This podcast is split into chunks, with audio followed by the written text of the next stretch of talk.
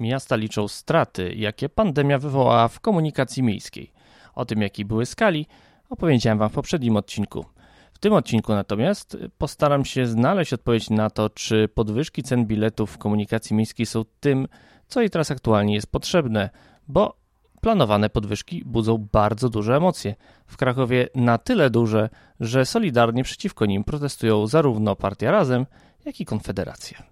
Bartosz Jakubowski, węzeł przesiadkowy, zaczynamy.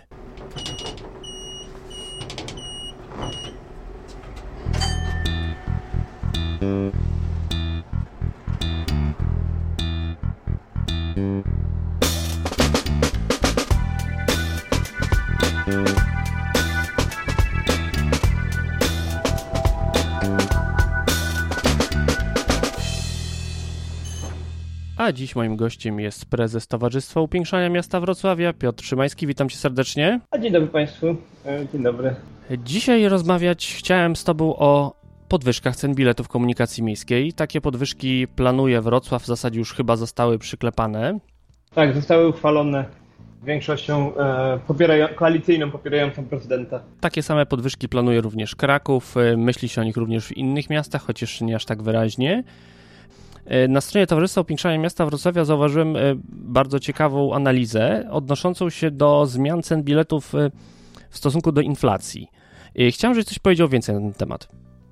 To jest tak, że jest, jeśli chodzi o tę historię w ogóle podwyżki, no to ona jest we Wrocławiu związana z kilkoma elementami, bo to faktycznie było tak, że już jakiś czas, nawet dłuższy, nie było tej podwyżki.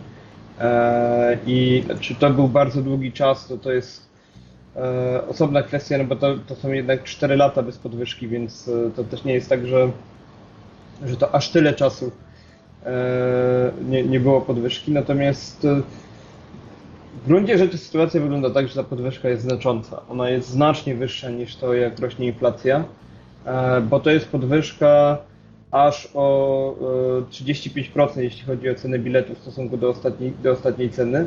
Natomiast ta inflacja jest 10 razy niższa, to znaczy inflacja e, między, między latami, które, które, na które patrzymy, to jest e, różnica 3,3%, czyli można powiedzieć, że ta podwyżka jest 10 razy większa niż, niż e, różnica inflacyjna. I w tym sensie jest to coś, co można pokazać, co, co możemy omawiać jako, jako decyzję bardzo dyskusyjną, szczególnie, szczególnie w kontekście tych ostatnich badań, bo przecież z czerwca tego roku, w którym dla Smoglabu mieszkańcy różnych miast oceniali jakość komunikacji zbiorowej. No i tylko we Wrocławiu ta ocena była tak drastycznie niska, e, bo, e, bo ponad 44% oceniło źle, czy znaczy dało niską ocenę w skali pięciostopniowej 1 albo 2 ocenie komunikacji miejskiej w dni robocze, natomiast w innych miastach w, tych, w tej tak niską ocenę daje około 20-30% mieszkańców. Ten wynik 44% to jest w gruncie rzeczy makabryczny wynik i w tym kontekście pojawienie się podwyżki e, no jest bardzo, bardzo złym sygnałem dla tego, jak ludzie będą odbierać komunikację zbiorową. To może najpierw dla słuchaczy, którzy nie wiedzą, jak dokładnie wyglądają podwyżki we Wrocławiu. E, co się zmienia dla e, podróżującego komunikacją miejską we Wrocławiu w tych znaczy, zmienia, zmieniają się dwie rzeczy. Znaczy, pierwsza jest taka, że z 3,4 zł e, jest podwyżka do 4,6 więc to jest no, no, duża podwyżka. Bilet, to jest chodzi o bilet jednorazowy półgodzinny bilet jednorazowy normalny, czyli na jedną linię, ale jakby będzie podobna dla biletu e, e, jednorazowego półgodzinnego, tak. E, I to jest taka, ten największy element podwyżki. Drugi element podwyżki to, jest, to są kwestie podwyżek w biletach e, e, okresowych. I to sobie muszę przypomnieć dokładnie kwoty. E, w biletach okresowych jest o tyle, o tyle inaczej, że miasto mówi, że już mówię, to jest tak, z 3,40 do 4,60 jest podwyżka tego e, jednorazowego, natomiast bilet 30-minutowy wzrasta z 3 zł do 4 zł. E, I, a jeśli chodzi o bilet roczny, to wzrasta na przykład z 800 do 1050 zł. Natomiast bilet najpopularniejszy w tej chwili bilet, czyli bilet semestralny, O właśnie, gdzieś mi tutaj zniknęła ta podwyżka tego semestralnego. No w każdym razie to są tej, tej, tej skali mniej więcej podwyżki. Ten bilet 30-dniowy e, będzie wzrastał z, e, z, z 90 zł na 110 zł. E, więc to są, to są mniej więcej tej skali podwyżki. One, e, one też mają, o co chodzi z tymi podwyżkami, jest o tyle ciekawsze w tych biletach okresowych, dlatego że że tam ta podwyżka będzie uzależniona od tego, czy zechcemy zainstalować aplikację Nasz Wrocław i pokazać miastu, że płacimy podatki we Wrocławiu. Jeśli tak, to będziemy mogli korzystać z biletu ulgowego, czyli takiego, który jest znaczy ulgowego, takiego, że nie, nie dotknie nas podwyżka, że będą zachowane e, aktualne ceny biletów okresowych. Natomiast no, tą obniżką, to, tym mechanizmem zachęty do płacenia podatków we Wrocławiu nie zostały objęte z jakiegoś powodu bilety jednorazowe i czasowe. O co zresztą też wnioskowaliśmy, że to, to wydaje się raczej niezrozumiałe. E, no natomiast tak wygląda sytuacja, że mamy do czynienia z taką podwyżką w zasadzie e, dla osób, które nie płacą podatku we Wrocławiu, to są podwyżki w każdej kategorii biletów. I teraz jeszcze chciałem Cię zapytać o jedną rzecz, zanim przejdziemy do głębszej dyskusji na temat y, podwyżek cen biletów. Na drugim wykresie, który jest na stronie Towarzystwa Upiększania Miasta Wrocławia, jest również odniesienie ceny normalnego biletu jednorazowego do kosztów y, użytkowania pojazdu. Powiedz mi, jak są skalkulowane te koszty i o co w tym chodzi? Bo ten wykres dość mocno y, pokrywa się z jeżeli chodzi o cenę biletu jednorazowego do tych kosztów pojazdu. Dopiero w ostatnich latach on się mocno odrywa od y, tych kosztów użytkowania pojazdu. Jak to skalkulowaliście? To ja może jeszcze zanim do tego dojdę, bo to jest taki wykres, który w sobie chciałbym na końcu może mówić, e, bo, bo tam po drodze chciałbym powiedzieć parę rzeczy. E, ogólnie kalkulowaliśmy to na zasadzie E, takich danych, które były, które jakieś tam zewnętrzne pozyskaliśmy z, na temat tego, jak wyglądają te użytkowania. E, ale to może za chwilę o tym opowiem, bo bardziej chciałem najpierw powiedzieć o tym, jak, jakby, jaki jest, co się, co, jak to wygląda, kto w ogóle użytkowuje, użytkuje te bilety w takim realnym, codziennym funkcjonowaniu w mieście. Bardzo bo, proszę. Bo argumentacja, która była za tą podwyżką, była taka, żeby e, więcej, żeby stworzyć zachętę trochę dla płacenia podatków we Wrocławiu. E, a drugim elementem było to, żeby więcej za bilety płacili turyści i osoby spoza aglomeracji, które nie płacą nas podatków. I w kompleksowych badaniach ruchu jest przebadany ten, ten ring wrocławski, czyli, czyli te, te gminy ościenne, e, które, e, które, które no jak, jak wyglądają podróże codzienne, tych, tych, te dzienniczki podróży były robione, jak wyglądają podróże do, do, do, do miasta Wrocław. No i tam wygląda to w ten sposób, że około 40% podróży odbywa się na biletach jednorazowych, 60% na biletach okresowych. E, stąd ten pomysł, żeby, żeby podnieść e, e, opodatkowanie, znaczy przenieść opodatkowanie dla Wrocławia, jeśli się korzysta z biletów okresowych, ma jakieś uzasadnienie w takim sensie chęci no z jednej strony zbierania danych w aplikacji Nasz Wrocław, no bo to nas informuje o tym też, którędy jeździli i tak dalej, i tak dalej, ale a z drugiej strony no, można się spodziewać, że to byłby mechanizm, który, e, który by dał e, no, dodatkowe środki, przy czym jest to ty, te, ten, ten, element argumentacji, że zmuśmy ludzi do, mieszkających pod Wrocławiem do płacenia podatku we Wrocławiu za pomocą za pomocą kosztu, za pomocą tych takich zachęt, ulg do, do komunikacji zbiorowej, on jest o tyle trudny, że tak naprawdę mechanizm E, powinien być inny. To znaczy, w cywilizowanym świecie mechanizm wygląda tak, że gmina Wrocław siada z gminami ochcinnymi, dogadują stawki rozliczeniowe i po prostu ta, ta dopłata jest robiona na zasadzie podatków płaconych w tym gminie na miejscu, a e, władze tej gminy dzielą się tym pieniędzmi z Wrocławiem. E, no bo wyobraźmy, to jest naprawdę sytuacja, która wydaje się być nie fair, jeżeli ktoś mieszka realnie, jest, no, fizycznie mieszka poza Wrocławiem, a miałby się rozliczać w wrocławskim urzędzie skarbowym, prawda? To, to jest taka, to jest dziwny mechanizm. Tak? Ja rozumiem, że ten mechanizm byłby miałby sens w sytuacji studentów, którzy się nie przemeldowują albo dalej płacą e, podatki w tych urzędach, gdzie, gdzie, e, gdzie e, mieszkają, powiedzmy, tam e, w miejscowości, z której przyjechali. Natomiast w takim kontekście, z taką narracją, to jest dosyć, e, uważam, e, niedobry mechanizm. On zastępuje coś, co powinno być cywilizacyjnym rozwiązaniem we współpracy między samorządami. Więc to byłby pierwszy element tej, tej, tej, tej kontekstu tej podwyżki, czyli te bilety okresowe. Drugi z aglomeracji u osób, które nie płacą podatku we Wrocławiu, no przynajmniej możemy założyć, że nie płacą, skoro nie mieszkają.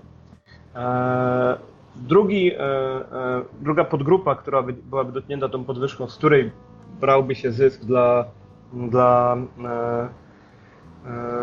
dla budżetu miasta, to byłaby grupa, która jeździ biletem jednorazowym. No i z niej teoretycznie powinien być duży zysk, dlatego że podwyżka jest znaczna.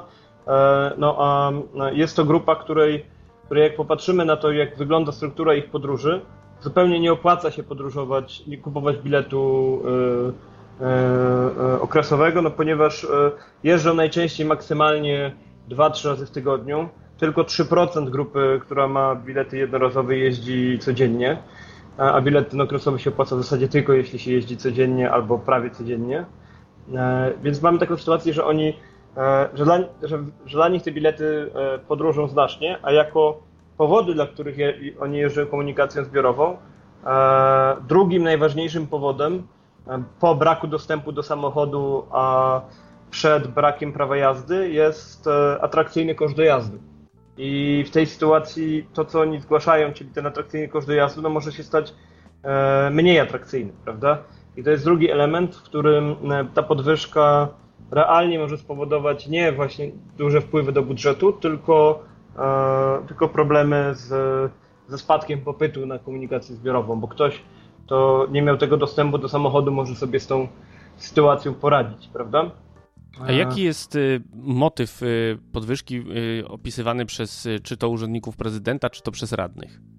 Główny argument uzasadniający tę podwyżkę to, było, to jest kwestia tego, że no, po pierwsze nie było jej dawno, a po drugie no idą, idą coraz większe inwestycje w komunikację zbiorową, więc powinna być droższa, chociaż powiedzmy, że to jest temat, o którym moglibyśmy dłużej podyskutować, jak wygląda jakość komunikacji zbiorowej w Wrocławiu. Na, na pewno nie widzą tego tak mieszkańcy, że ta jakość jest na tyle dobra, że rośnie, żeby to uwzględniało podwyżkę. No i trzecia to jest prawdopodobnie kondycja finansowa, to znaczy e, i to jest właśnie ten, ten, element, o którym chciałem powiedzieć w kontekście zmian covidowych. Znaczy po covidzie sytuacja wygląda w ten sposób, że E, większość, większość biletów semestralnych e, może nie zostać kupiona, ponieważ, e, znaczy większość biletów semestralnych jest w tej chwili kupowanych około 80 tysięcy, a we Wrocławiu jest około 30 tysięcy studentów.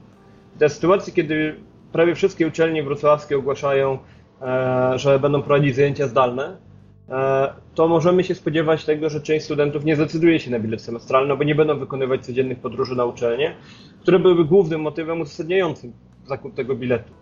E, I w tej sytuacji mogą faktycznie przejść na bilety jednorazowe, e, co się wiąże z takim, co jest z jednej strony oczywiście możemy znowu mówić o popycie i podaży, tak? Spada, spadnie znowu popyt na komunikację zbiorową, e, a z drugiej strony no to jest też kwestia tego, że to oznacza, że będzie mniej zysku z biletów okresowych.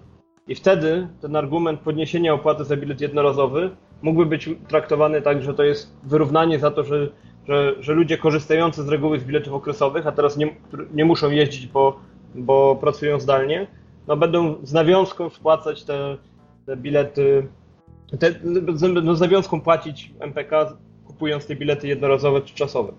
E, no tylko, że tutaj problem wtedy jest taki, że nie trzyma się, e, e, się narracja o obniżce dla osób płacących PIT ponieważ jeżeli te osoby faktycznie płacą PIT we Wrocławiu, ale no z różnych powodów nie mają już potrzeby kupowania biletu okresowego, albo po prostu przestał być opłacalny ze względu na spadek e, ilości podróży, e, no to tak naprawdę ich, ich ta obniżka za PIT nie dotyczy.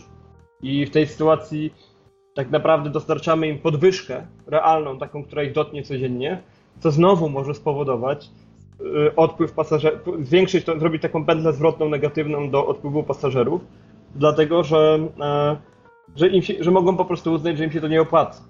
E, I wtedy no, to jest o tyle ciekawe, że, że miasto oczywiście próbuje to też buforować, bo, bo przy okazji po drodze są wprowadzone podwyżki za parkowanie i tak dalej. E, ale z tą ściągalnością tych pieniędzy jest też różnie, bo, bo jednak dużo nielegalnego parkowania we Wrocławiu jest całkowicie możliwe dzisiaj i, i nie jest ścigane wystarczająco silnie przez Straż Miejską. Natomiast taki, to zjawisko jest o tyle skomplikowane, że realnie mimo tej argumentacji, że chcemy, że, że Rada Miejska podnosi, ale nie mieszkańcom, bo ci mieszkańcy przecież płacą PIT, no jak płacą PIT, to kupują uczciwie bilety okresowe, jak kupujesz uczciwy bilet okresowy, to cię podwyżka nie dotyczy, prawda? I wtedy mamy taką do czynienia z taką narracją, że niech obcy, którzy korzystają z naszej komunikacji, zapłacą więcej, a my będziemy mieli taniej. No ale praktyka może być taka, że, że właśnie nie, że właśnie będziemy mieli sytuację taką, że, że, korzystać z jedno, że zwiększy się korzystanie z biletów jednorazowych. Po raz pierwszy zresztą od dawna, bo wcześniej ten trend był jasno przechodzący na bilety okresowe z biletów jednorazowych. Zresztą to jest dla przewoźnika bardzo korzystne i to był, i to był bardzo dobry trend.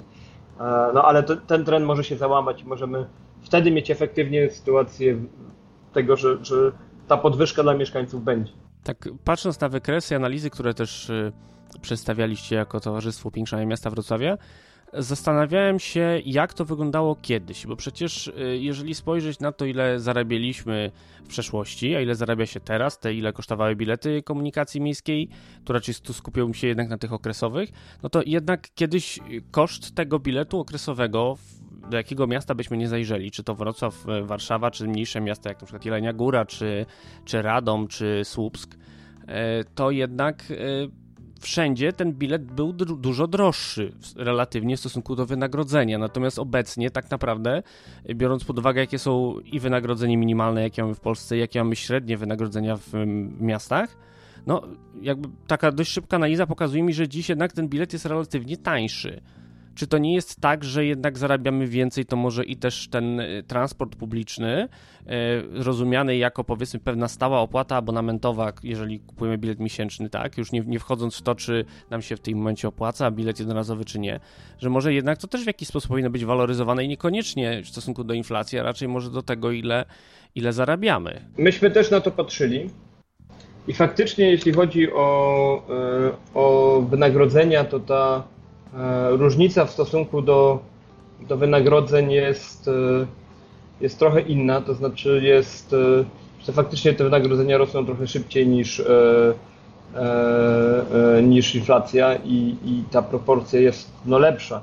Natomiast to jest problem taki, na, na, jakby my, to jest pytanie na ile, na ile ten mechanizm abonamentu jest faktycznie mechanizmem abonamentowym, a na ile my ciągle żyjemy w takim systemie, w którym E, komunikacja zbiorowa jest tak naprawdę e, narzędziem szerszej polityki miejskiej. I jako narzędzie tej polityki ona niekoniecznie, niekoniecznie służy temu, żeby, e, żeby, żeby po prostu przewozić ludzi jako, jako usługa za abonament, a bardziej służy temu, żeby jest narzędziem zmiany zachowań mobilnościowych. To znaczy, my nie jesteśmy, nam się wydaje, że my nie jesteśmy jeszcze na tym etapie i z jakością, i z poziomem użytkowania komunikacji zbiorowej, żebyśmy mogli powiedzieć, tak jak zachodnie miasta, gdzie, e, gdzie przecież jest to znane powiedzenie, że się w Berlinie ludzie cieszą na podwyżki, bo się spodziewają, że będzie wzrost jakości, prawda?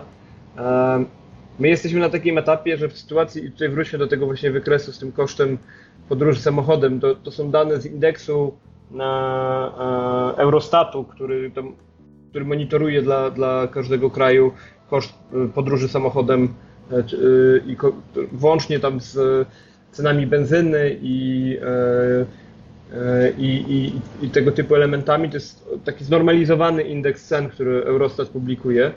No i ten indeks cen jest ciągle niższy, a myśmy do niego nie doliczali kosztu parkowania, no właśnie z tego powodu, że że to parkowanie w zasadzie we Wrocławiu ciągle jest możliwe za darmo, przez to, że Straż Miejska w dość ograniczony sposób kontroluje nielegalne parkowanie, więc całe Śródmieście jest tak naprawdę bezpłatnym parkingiem w pewnym sensie. Mając te, taką sytuację, tak naprawdę nie, trudno sobie wyobrazić mechanizm, którym pasażerowie nie odpływają od MPK.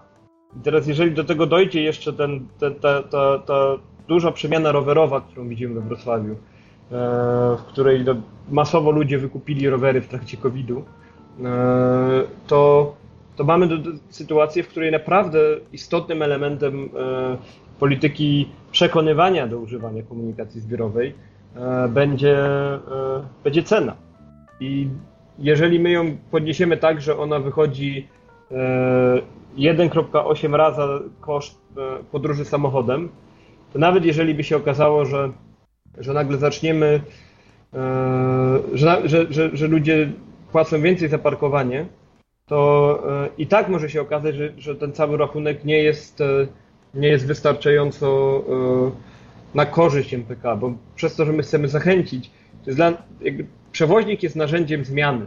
I e, w tym sensie miasto musi traktować te, to nie w takim trybie, że MPK ma na siebie wystarczająco zarobić, żeby się opłacało i żeby miało większe przychody, tylko powinno kreować tak politykę, zresztą zgodnie z tym, co Rada Miejska w 2013 roku uchwaliła, czyli tak kreować politykę transportową, żeby to te środki, z których chcemy, żeby ludzie zrezygnowali, dopłacały do środków, które chcemy promować, czyli do rowerów i komunikacji zbiorowej. E, I w tym sensie należałoby raczej w budżecie szukać, bo, my, bo to jest też tak, że my występujemy stanowczo za tym, żeby podwyższyć e, dotację budżetową dla MPK. Tylko uważamy, że powinno się to odbywać nie kosztem podwyżki cen, która zmniejszy popyt, tylko kosztem e, podwyżek opłat dla kierowców którzy powinni finansować e, MPK. Ale wspomniałeś, że przecież ceny za parkowanie we Wrocławiu też idą w górę. Może to właśnie o to chodzi. Więcej ludzi wybiera rowery, e, rosną ceny za parkowanie, rosną ceny za korzystanie z komunikacji miejskiej. Mamy ciągle problem z zakażeniami COVID. Może dzięki temu zrobi się więcej miejsca w tramwajach, a ludzie i tak jeżdżą rowerami. Skoro już ktoś kupił rower, już na nim jeździ, może się już do niego przyzwyczaił.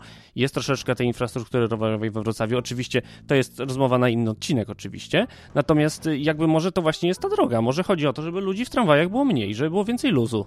Być może, być może, to, tylko że to jest znowu sprzeczne z polityką transportową, którą Rada Miasta uchwaliła, bo celem Rady Miasta jest ciągle, a załóżmy, że załóżmy przez chwilę, że żyjemy w takim świecie, w którym Rada Miasta kreuje politykę mobilnościową, e, to celem Rady Miasta byłoby to, żeby, e, żeby e, jednak mieszkańcy korzystali z komunikacji zbiorowej.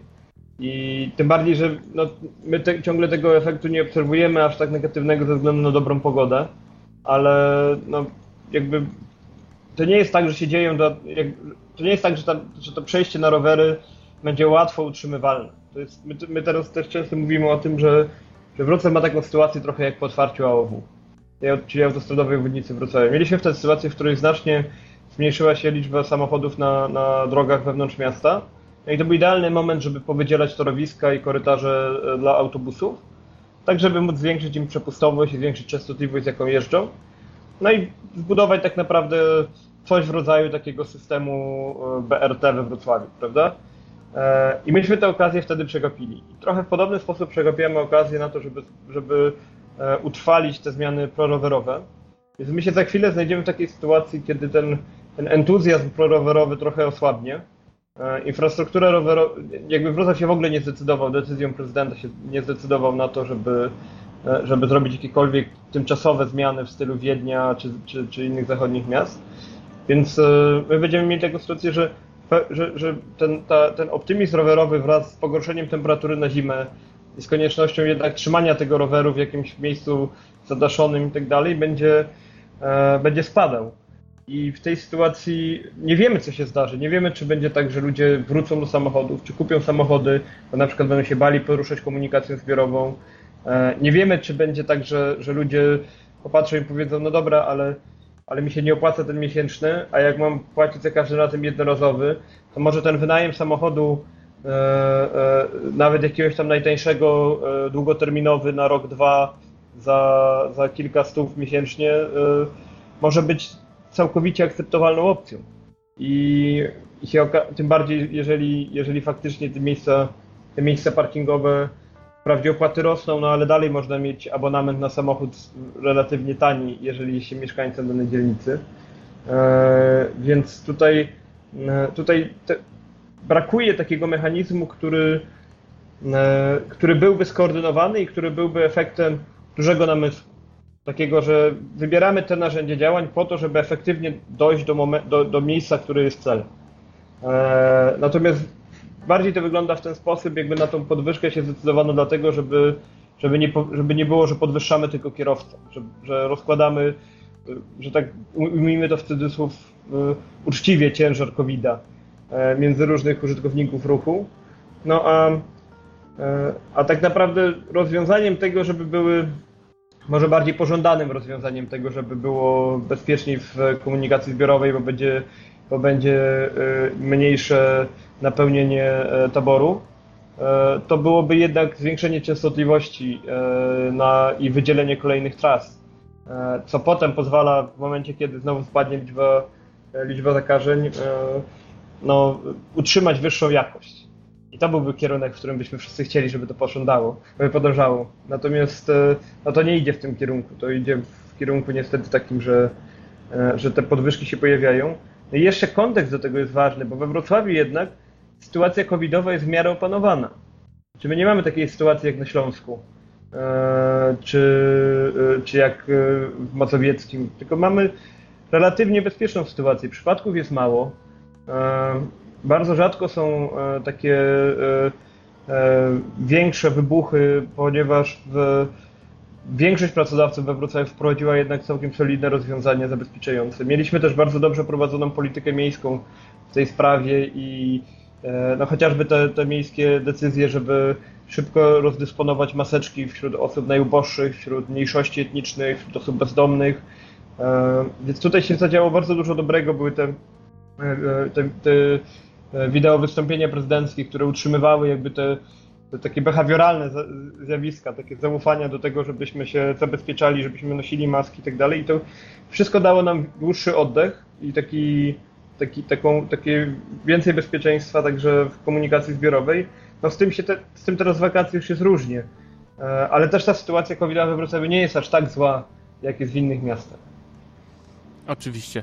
Natomiast cały czas zastanawia mnie taka jedna rzecz. Czy przypadkiem nie przeceniasz y, kwestii dotyczących wpływu ceny biletów na y, korzystanie z komunikacji miejskiej. Czy nie jest trochę tak, że no, przepustowość ulic jest skończona, nie wszyscy samochodami są w stanie po mieście jeździć do tego miasta wjechać, i być może faktycznie jakby ten czynnik korkowo-parkingowy e, jest na tyle silny, że e, jakby ci, którzy do tej pory korzystali z komunikacji miejskiej, płacili za bilety regularnie, nadal potrzebują codziennie dojeżdżać, czy oni jednak nadal nie zrezygnują, czy faktycznie poniosą ten wyższy koszt lub jeżeli mieszkają we Wrocławiu i odprowadzają tutaj podatki, e, to nie mm, zapłacą więcej?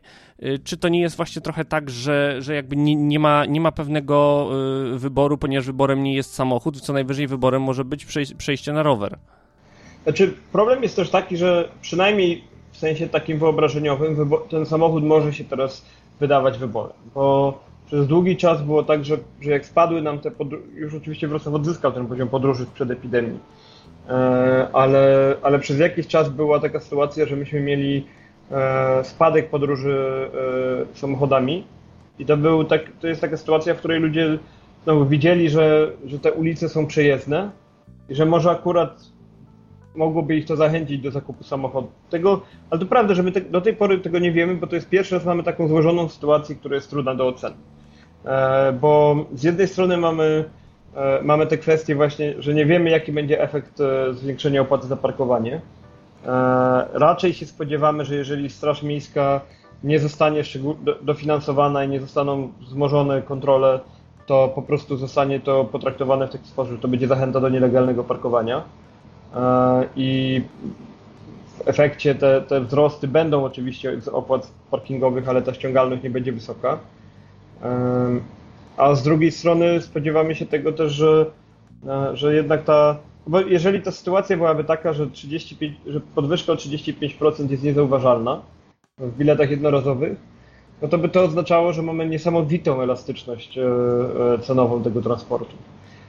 A ona w zasadzie w tych w badaniach, które, które są robione, czy to w badaniach takich typu case studies, że, że, że opisywane są przypadki konkretnych miast, jak tam na przykład Zagrzeb, gdzie gdzie, gdzie ta elastyczność była e, bliżej e, minus jeden, e, czy, czy bardziej, czy to są bardziej jakieś takie europejskie miasta zachodnie, gdzie ta elastyczność była na poziomie minus 0,3, to są takie, to, są, to ciągle są ujemne elastyczności. To ciągle jest tak, że po podwyżce ceny spada liczba sprzedanych biletów.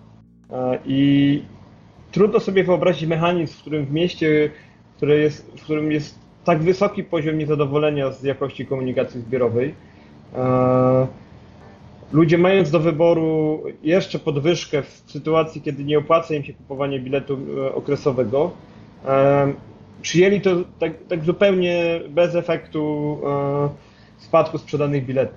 To się wydaje trudne do wyobrażenia, szczególnie jeżeli, jeżeli też myślimy o tym w taki sposób, że że mogą być różne powody, dla których ludzie nie chcą płacić podatku we Wrocławiu, szczególnie przyjezdni.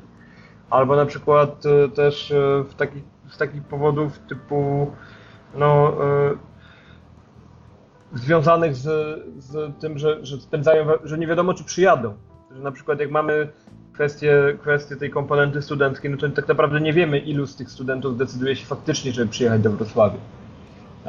Natomiast jeśli chodzi o tych mieszkańców, którzy podróżują regularnie, no to z ich perspektywy w najlepszym razie nic się nie zmieni. I to byłby, jeśli na przykład by się okazało, że, e, że mimo COVID-u i mimo tego, że pracują zdalnie, nie spadłyby bilety e, sprzedawane, e, sprzedawane mieszkańcom Wrocławia, którzy, którzy wykonują regularne podróże, to byłby bardzo dobry efekt.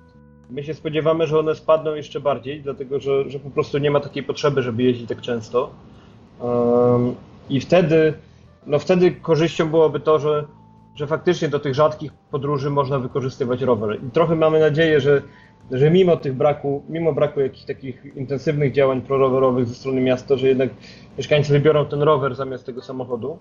E, ale też e, no nie, nie wskazuje na to historia w Wrocławiu. Znaczy, jednak w takich sytuacjach, jak przy, w tej, tej podobnej jednak sytuacji, kiedy, kiedy ta przepustowość się na chwilę otworzyła w mieście, no to myśmy zobaczyli gigantyczny skok przy przyrostu samochodów w ciągu paru lat.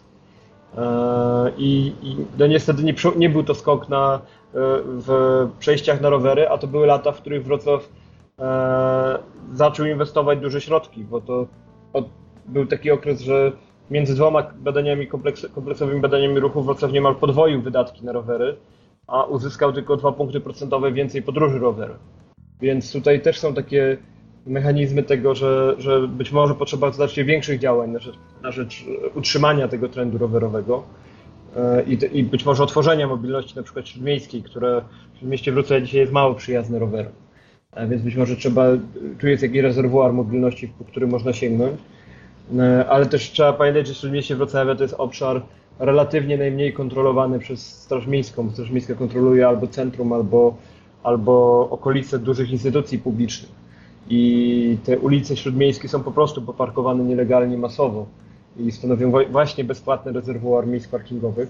Nie wiadomo jak, jak się zmieni jego, jego użycie po tych, e, po tych podwyżkach parkingowych. To byłoby idealnie, gdyby, gdyby miasto e, zdecydowało, że, że, że będzie z niego również ściągać środki, bo to wtedy są przychody, które, którymi nawet można było naszym zdaniem e, sfinansować zwiększenie dotacji dla, dla, dla MPK bez podwyżek biletu. Bo mamy tak, właśnie, właśnie najbardziej to przekonanie u nas wychodzi z tego powiązania dwóch elementów. To znaczy, że z jednej strony nie udało nam się znaleźć przykładu, gdzie ta elastyczność cenowa nie byłaby ujemna, więc e, ta podwyżka jest wyliczona na, na, na, na tak wysoki procent zysku dla MPK, jest po prostu, no, no, na pewno nie, nie dostarczy e, aż tylu E, aż tylu pieniędzy. Szacujemy, że, e, że, da, e, że da raczej coś w okolicach 20 milionów zysku, jeżeli tam spadnie o 30% sprzedaż biletów, a miasto gdzieś tam szukało zysków na poziomie, na poziomie 50 milionów. A te 20 milionów zysku to są pieniądze, które jesteśmy w stanie znaleźć w opłatach parkingowych i ukróceniu nielegalnego parkowania. A, da, a, efekt w polityce mobilnościowej byłby zupełnie inny, bo zupełnie innym komunikatem jest do niezadowolonego z jakości komunikacji zbiorowej e, mieszkańca e, komunikat o podwyżce cen tych biletów, a zupełnie innym komunikatem jest to, że mówimy, e, że ceny zostają jakie są, natomiast będzie drożej jeździć samochodem. No, tu mamy tak naprawdę bardzo wiele scenariuszy, jeżeli chodzi o te zmiany w taryfach e, za przejazd MPK Wrocław, ponieważ mamy właśnie wzrosty i cen biletów okresowych i jednorazowych. Mamy zarazem też wzrosty cen za parkowanie, więc mamy bardzo wiele tak naprawdę e, możliwości, które mogą się wydarzyć. Jedną z nich, którą na przykład widzę, jest to, że być może y, kto będzie potrzebował jeździć rzadziej, a do tej pory korzysta z biletów jednorazowych, być może przesiądzie się na rower w takich jednorazowych podróżach, a niekoniecznie będzie to samochód. Natomiast to, co jeszcze mnie y, najbardziej zastanawia, to jest to, że chyba nikt z nas nie wie, jak w tej covidowej i post-covidowej rzeczywistości te wszystkie zmiany dotyczące komunikacji zbiorowej, komunikacji indywidualnej, transportu rowerowego, tej y, elastyczności y, cen biletów, jeżeli chodzi o popyt na komunikację, jak to wszystko będzie funkcjonowało. Wydaje mi się, że poruszamy się tak naprawdę w bardzo dużej niewiadomej, jak te czynniki pozacenowe i poza i, do, i dotyczące kosztów alternatywnych, bo o tym chyba dzisiaj najwięcej e, mówiłeś, e, jak to będzie wpływało, e, mając w tle ogromny wpływ związany właśnie z epidemią.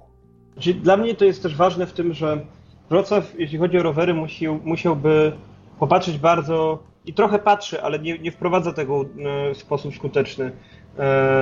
Popatrzeć bardzo wielokierunkowo na to, skąd obudzić tą mobilność rowerową, bo to jest.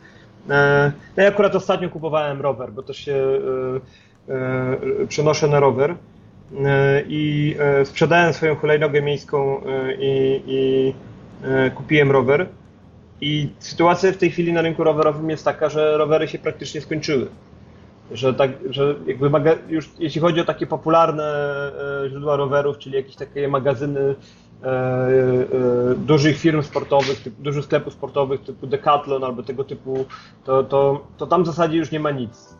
E, jeśli chodzi o takie bardziej specjalistyczne sklepy, to też te stany są na wyczerpaniu i dużo mieszkańców kupiło rowery, ale trudno jakby no, trochę zabrakło, nie? w tym sensie, że jeżeli ten trend by się utrzymał, no to w najbliższych dwóch, trzech miesiącach to sprzedaż rowerów i tak nie może pójść do przodu, no bo mamy problem z jednej strony właśnie z tym, że nie ma ich na rynku, a z drugiej strony z tym, że, e, że są problemy z, do, z, dochodzeniem części z Chin. E, e, więc to, to jakby być, może być tak, że podaż tych rowerów będzie po prostu za słaba. E, I to jest jeden z elementów, bo, bo, w takiej sytuacji gdzieś tam pewnie byłaby potrzebna strategiczne myślenie, na przykład o następnym roku ze strony miasta i jakieś dyskusje na ten temat z, z ze środowiskami rowerowymi, ale mi się wydaje, że najbardziej krytycznym elementem tej, tej walki o, o, o zmianę no to byłoby to, że, e, że, że no my jakby, oczywiście chcielibyśmy, żeby się zwiększył ruch rowerowy, prawda? Ale czy, ale czy chcielibyśmy, żeby się zwiększył ruch rowerowy kosztem odpływu kom pasażerów komunikacji zbiorowej? Chyba nie. Chyba chcielibyśmy, żeby ten ruch jakoś, żeby, żeby to był jednak przepływ z komunikacji samochodowej na rzecz komunikacji rowerowej. I wtedy jak się na to patrzy przestrzennie, jak mógłby, jak mógłby wyglądać ten, ten rozkład też kosztów tego, prawda, to, e, to najprawdopodobniej najsensowniejszą możliwością zmiany jest to, żebyśmy przekonali mieszkańców szerzej rysowanego śródmieścia e, za pomocą no, takiego kompleksowego programu, czyli dostarczenia im miejsca, gdzie mogą trzymać te rowery w podwórzach, które są, podwórka są głównie miejskie we Wrocławiu, żeby, e, ale nie mają żadnych zadaszonych wiat, a ten program wiatowy ruszył dopiero w pilotażu e, i, i ta liczba wiat jest dosyć mała, którą, która zostanie postawiona teraz, jeszcze są współpłacone, przez co, przez co też stanowią mniejszą zachętę. Później druga rzecz to są, są kwestie tych dojazdów na tych uliczkach osiedlowych, które, w których wiele na przykład przedwojennych fragmentów chodnika, który był przeznaczony pod ruch rowerowy, teraz jest nielegalnie zaparkowany, albo nawet już legalnie zaparkowany, bo, bo ten parking został zalegalizowany. E, no i, i wreszcie gdzieś tam e, trzeci element to jest kwestia wpięcia tych alej osiedlowych, czy uliczek osiedlowych w tę główną siatkę ruchu, która jest ciągle jeszcze niekompletna we Wrocławiu. To znaczy wjazdy, wjazd, tak naprawdę bramy wjazdowe, rowerowe do, do, do centrum Wrocławia dobrze funkcjonują tylko w dwóch, trzech z siedmiu miejsc, z siedmiu kierunków wjazdu, więc to, to tutaj też można coś, coś z tym zrobić. E, coś więcej niż po prostu wprowadzić oznaczenie, że jest strefa 30, e, czy to strefa 40. E, a no i to, to, są, bo to, bo to są rzeczy, które nie przekonują mieszkańców. Jak ktoś widzi znak 40, to wcale się nie czuje bezpiecznie na drodze dwupasmowej, gdzie są dwa pasy ruchu. I, i w tej sytuacji jakby to są elementy, które by źródła ruchu rowerowego, na który mógłby Wrocław postawić. Natomiast wtedy źródłem ruchu e, w komunikacji zbiorowej musiałyby być dłuższe podróże. No bo jeżeli wrocławianie e, miejsc przesiądą się z tramwaju do, gdzie, który, a tramwaje głównie we Wrocławiu dojeżdżają do okolic Śródmieścia, tam jest powiedzmy z kilka linii, które solidnie wyjeżdża po coś śródmieście, e, no to, to wtedy mamy tak naprawdę sytuację, w której trzeba poprawić jakość komunikacji autobusowej, która obsługuje tereny e, obrzeży miasta i podmiejskie. I to oznacza także wydzielenie buspasów, to oznacza także kwestię zwiększenia częstotliwości. I gdyby to się działo równolegle z podwyżką, to prawdopodobnie nie, było, nie budziłaby ona aż takich zastrzeżeń. Natomiast to się nie dzieje, e, a, albo dzieje się w takim stopniu, że, wy, że wydzielane są fragmenty buspasów, a nie całe ciągi, więc ten zysk znowu nie jest takim zyskiem wizerunkowym. Bo stratą wizerunkową jest to, y, podwyżka jest ogromną stratą wizerunkową w oczach niezadowolonego z komunikacji mieszkańców. A wydzielenie fragmentaryczne buspasa czy torowiska jest małym zyskiem wizerunkowym. Więc e, w sensie takiej zmiany behawioralnej, zmiany zachowań, nie, nie, nie jest osiągany ten efekt, o który chodzi. I, y, I, w takim kontekście oczywiście wydzielenie buspasa byłoby też elementem wygenerowywania presji na rezygnację z samochodu, no bo ta przepustowość byłaby zabrana samochodem. E, I jakby to, i to połączone z opłatami za parkowanie, być może powinna być też wprowadzona jakaś opłata za wjazd do śródmieścia, wydzielona jakaś e, strefa tam czystego powietrza, czy jakbyśmy to chcieli nazwać. E, to wszystko mogłoby dawać jakiś synergiczny efekt, natomiast no to, to musiałoby się dziać. A to, co mamy, to, co się wydarzyło niestety, to była sytuacja taka, w której zrobiono, zrobiono podwyżki, które zresztą no niestety e, niestety też w sezonie wakacyjnym były wprowadzane tak trochę cichcem, bez żadnej debaty publicznej.